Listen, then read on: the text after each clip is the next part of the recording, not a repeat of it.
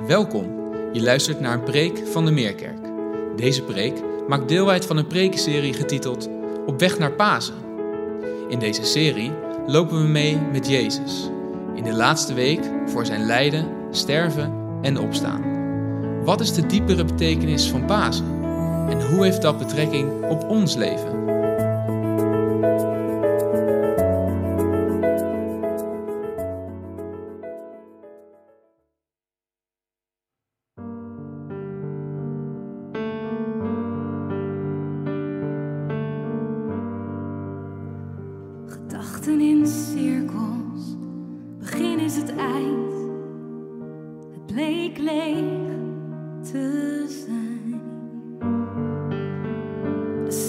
unseren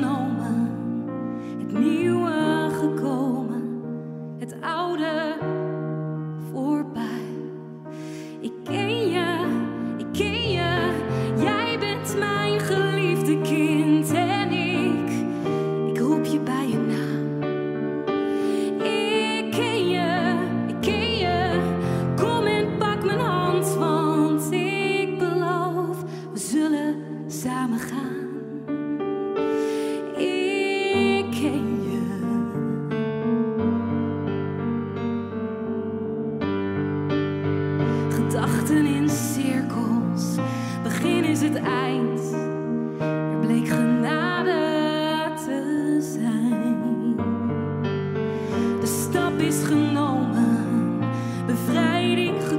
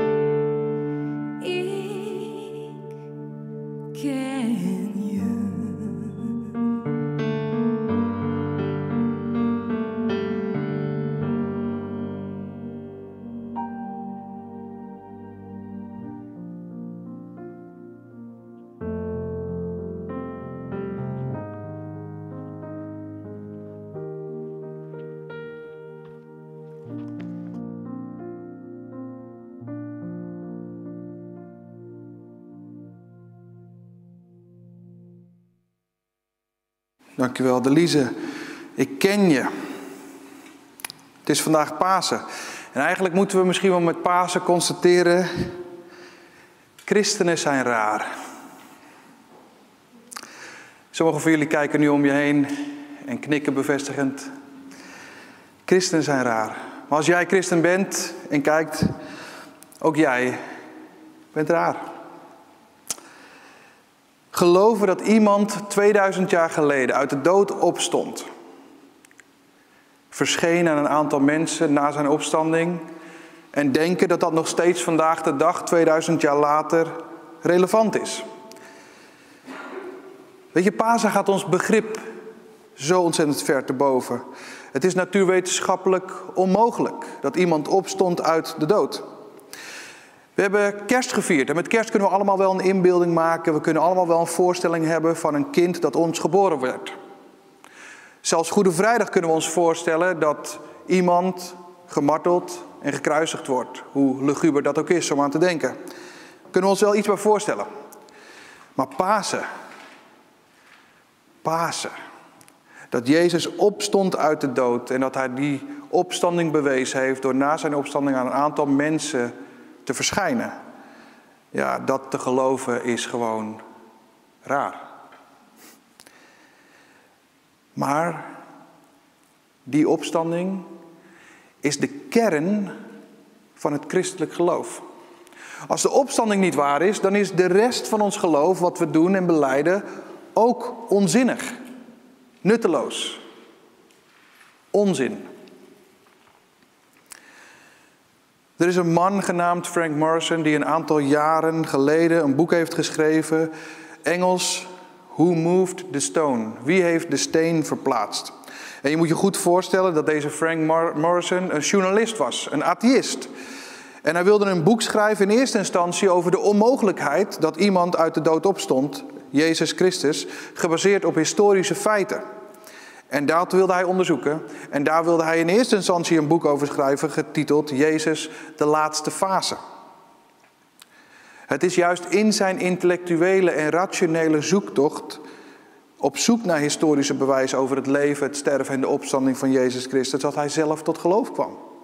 Op basis van feiten. En zo werd de titel niet Jezus de laatste fase, maar werd de titel in het Engels Who Moved the Stone.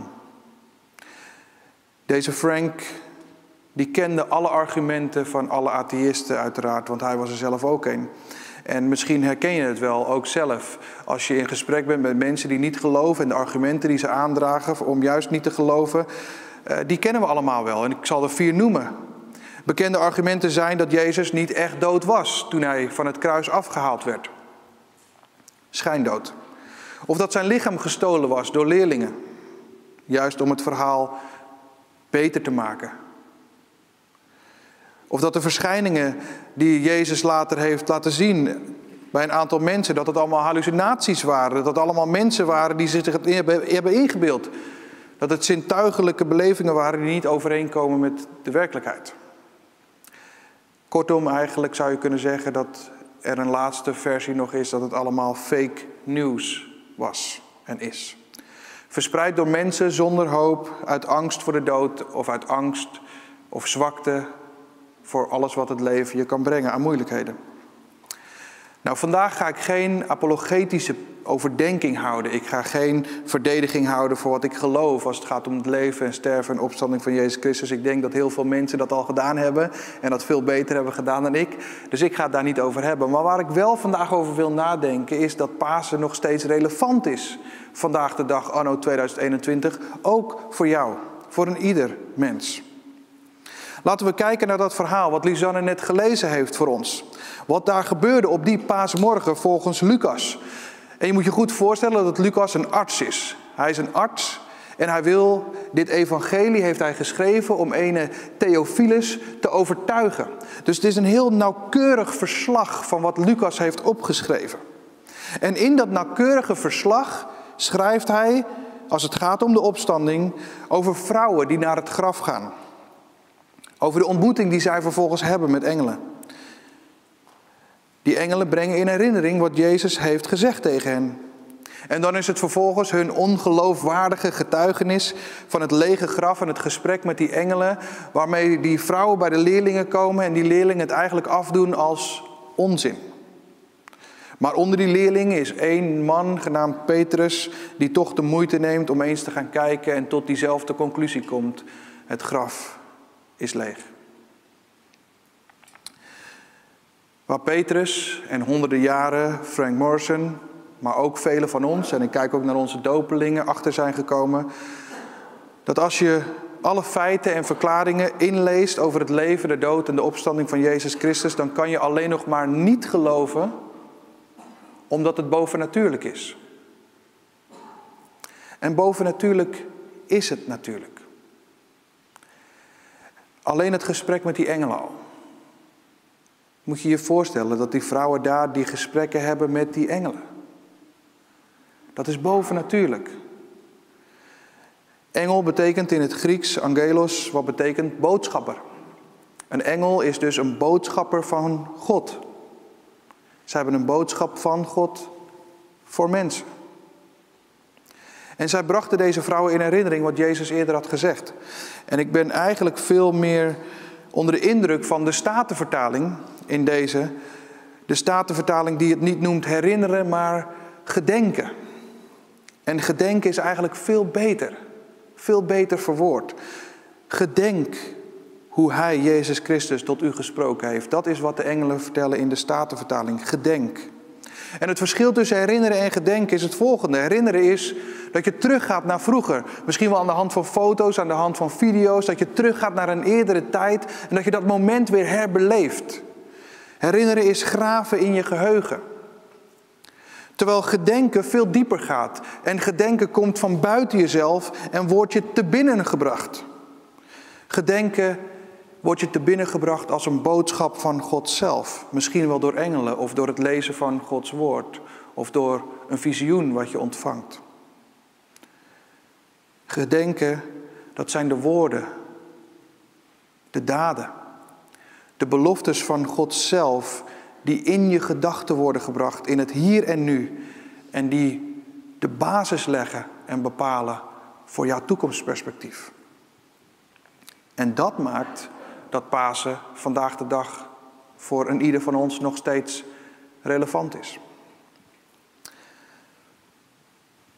Een van de verschijningen die Jezus deed nadat hij uit de dood was opgestaan, was aan een man genaamd ongelovige Thomas. En ik denk dat hij zo goed past in dit verhaal, die ongelovige Thomas. We kennen het verhaal natuurlijk wel.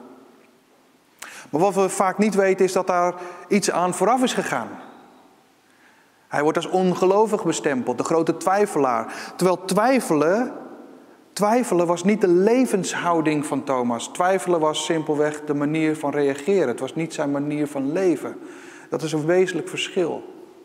Want wat er vooraf is gegaan aan dat verhaal van ongelovige Thomas, is dat het moment waarop Jezus op, uit de dood opstond en het graf leeg was, dat hij verscheen aan een aantal leerlingen. En onder die leerlingen, daar was Thomas niet bij. En Jezus verscheen aan de leerlingen en hij wenste hun vrede toe. En hij liet hen zijn wonden zien. En ineens was hij weg. En je kan je natuurlijk voorstellen dat precies wat die vrouwen hebben ervaren, dat die leerlingen dat op dat moment ook ervaren. Want die leerlingen gaan naar Thomas en zeggen tegen Thomas: Thomas, Jezus was bij ons. Hij heeft ons zijn wonden laten zien. Hij wendt ons zijn vrede toe.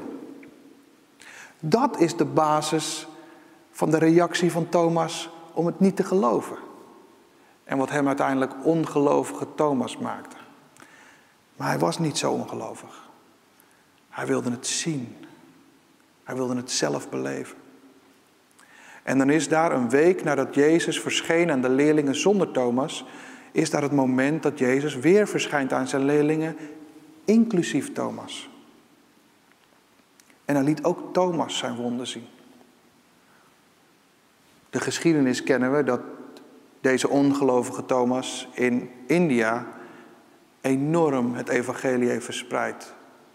En tot op de dag van vandaag, dat daar Thomas nog steeds een heilige is, die heel veel teweeg heeft gebracht in India als het gaat om het evangelie.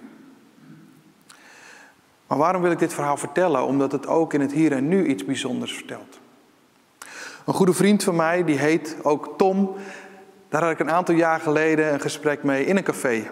En we hadden het zo over het geloof. En hij refereerde aan deze ongelovige Thomas. Hij als Tom vertelde dat hij zich heel goed kon identificeren met deze ongelovige Thomas. Want, zei hij, deze Thomas die zei, ik moet eerst zien en dan kan ik pas geloven.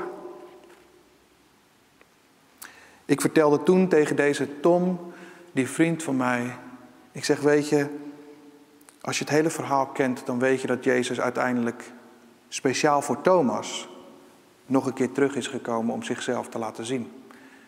En ik geloof dat Jezus leeft. Dus als hij dat voor Thomas deed toen, geloof ik dat ook dat hij dat zo wil doen voor Tom vandaag.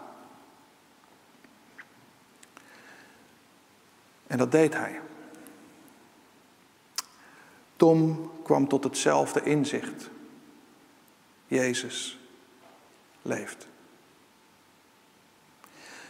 Jezus leeft.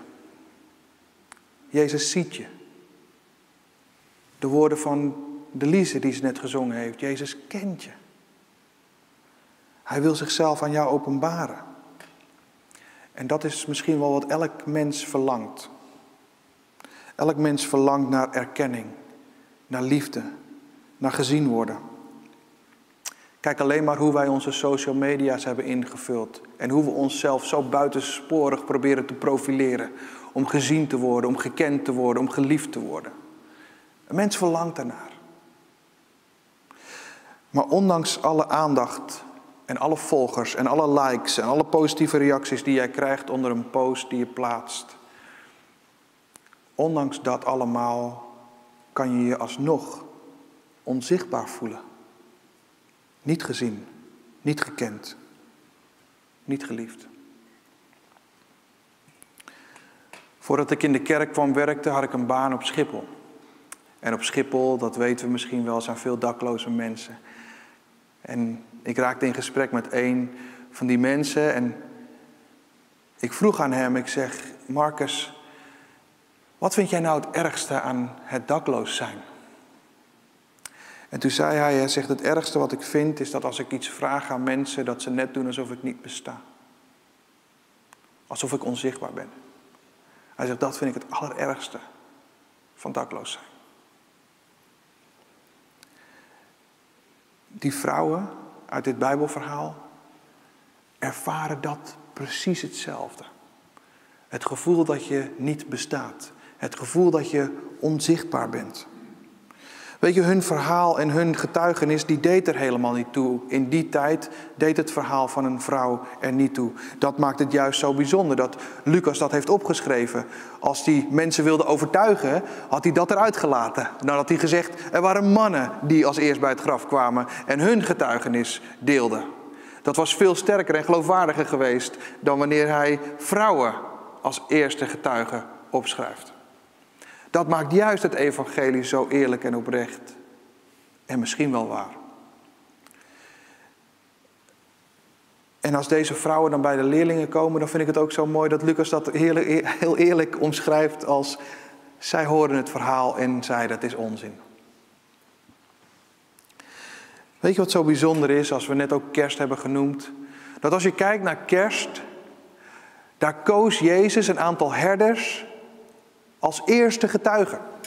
En als je dan kijkt naar Pasen, dan kiest Jezus een aantal vrouwen als eerste getuigen. En je moet je goed realiseren dat beide bevolkingsgroepen er toen niet toe deden. Beide, bevolkingen, beide bevolkingsgroepen, zowel de herders als de vrouwen, hadden helemaal geen recht om te getuigen in een rechtszaak. Hun verhaal deed er niet toe en werd bij voorbaat afgestempeld of bestempeld als onzinnig. Maar blijkbaar durft Jezus het aan. Blijkbaar durft Jezus het aan om onzichtbare mensen te gebruiken voor de verkondiging van het evangelie, voor de verkondiging van zijn plan. Blijkbaar durft hij het aan. En blijkbaar zijn wij het die moeten constateren dat zij niet onzichtbaar zijn. Deze mensen zijn niet onzichtbaar, maar wij zijn blind. Jezus is niet onzichtbaar, maar wij zijn blind. Er is een YouTube-kanaal dat ik volg en waar ik ook wel vaak van onder de indruk ben. Het is een beetje in het verlengde van het verhaal van Marcus, de dakloze man op Schiphol. Het is het YouTube-kanaal Invisible People, de onzichtbare mensen. En wat ik zo mooi vind aan dit kanaal is dat zij gaan in gesprek met mensen die dakloos zijn en zij proberen deze dakloze mensen een gezicht te geven. Door ze te vragen, hoe ben je tot deze situatie gekomen? Hoe ben je op straat terechtgekomen? En één verhaal trof me afgelopen week. Trof me zo diep in het hart. Het is het verhaal van Michael. Michael wordt geïnterviewd. Michael, die woont al tien jaar op straat. En ook hem wordt de vraag gesteld van, joh, hoe ben je zo ver gekomen dat je al tien jaar op straat zwerft? En hij vertelde zijn verhaal. Hij vertelde dat hij een zoon had. En dat die zoon op vijfjarige leeftijd overleed. En dat verdriet, dat verdriet zorgde ervoor dat hij alles verloor. Het verdriet en het gemis van zijn zoon was het begin van het zwerven op straat. Geen werk meer. Geen huwelijk. Geen familie die hem kan of wil helpen. En aan het eind van het interview wordt deze Michael gevraagd: Joh, vanuit jouw positie, waar je nu staat en hoe je nu leeft, welke drie wensen heb je? Welke drie wensen heb je? En als we daar de pauzeknop zouden indrukken, als we daar de pauzeknop zouden indrukken en je hebt het begin van het verhaal gehoord, dan zou je als kijker wel 15 wensen kunnen opsommen. Je kan zomaar 15 dingen opsommen van dingen die je hem zou wensen. Een huis, een baan, een douche, een bed, financiële zekerheid. Überhaupt wens je hem tanden in zijn mond. Maar nee, zonder enige twijfel, zonder enige twijfel zegt hij, drie wensen, ik heb er maar één. Ik wil mijn kind terug. En het waren juist deze woorden die hij zo uitsprak, die mijn hart raakten en mij diep ontroerden. En terwijl de tranen over mijn wangen rolden achter mijn laptopje, was het alsof ik iets zag vanuit Gods perspectief. Het was alsof ik voelde dat juist dat precies ook Gods woorden zijn. Ik heb maar één wens. Ik wil mijn kinderen terug.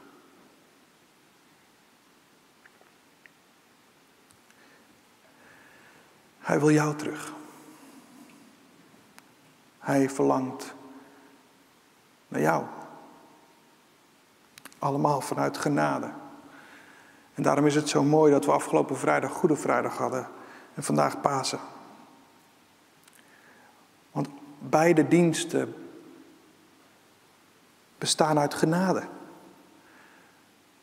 We verdienen iets wat we niet krijgen. Daar hebben we over gehoord met Goede Vrijdag. En met Pasen krijgen we iets wat we niet verdienen. Dat is ook genade. En dan kijk ik naar de dopelingen. De mensen die straks met Christus begraven worden in de doop. Opgewekt om te wandelen in een nieuw leven. Dat is genade.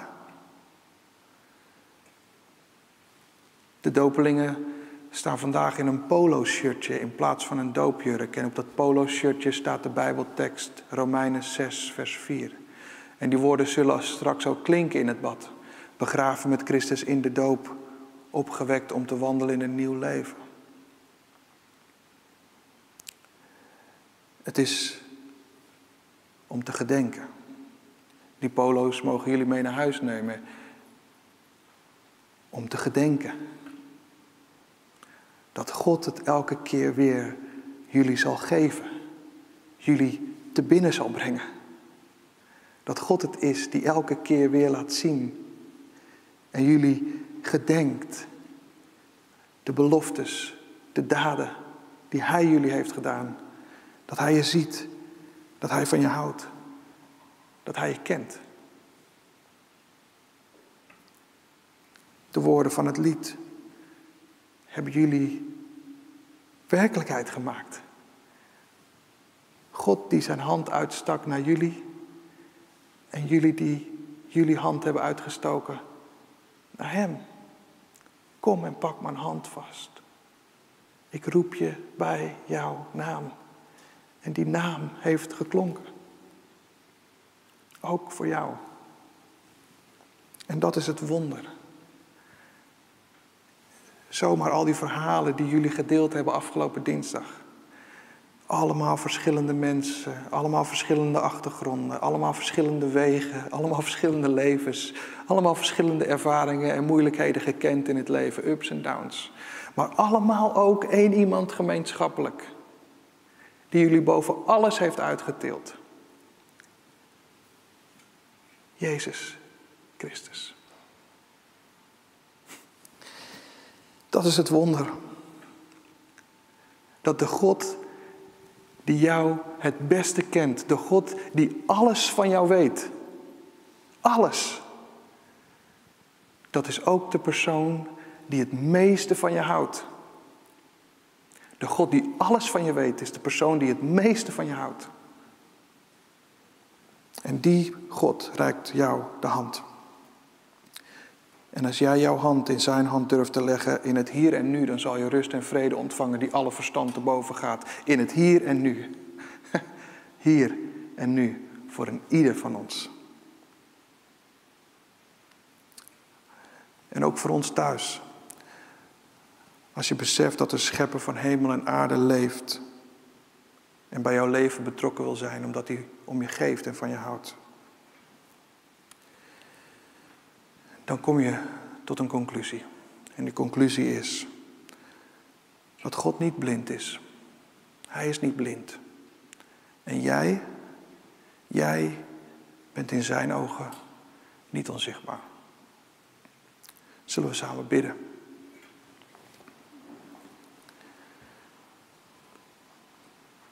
Als die woorden hebben geklonken, ik ken je. Dan zijn het woorden misschien wel zoals die engelen dat hebben laten zien aan die vrouwen die bij het lege graf stonden. Ik ken je. En Jezus die vrouwen koos, Jezus die herders koos, Jezus die vissers koos om zijn plan uit te dragen aan deze wereld. Met tot op de dag van vandaag 2,3 miljard mensen die dat geloven. Ook vandaag, ook nu. Allemaal mensen, stuk voor stuk, waarvan u zegt, ik ken je. Ik reik jou mijn hand. En als jij jouw hand in mijn hand legt, dan zal je een rust en vrede ervaren die alle verstand te boven gaat. Ook hier, ook nu. Het is Pasen, ook 2021. Als jij jouw hand in mijn hand legt, dan zal ik er voor je zijn. Dan zal ik voor je zorgen. Dan zal ik voor je staan.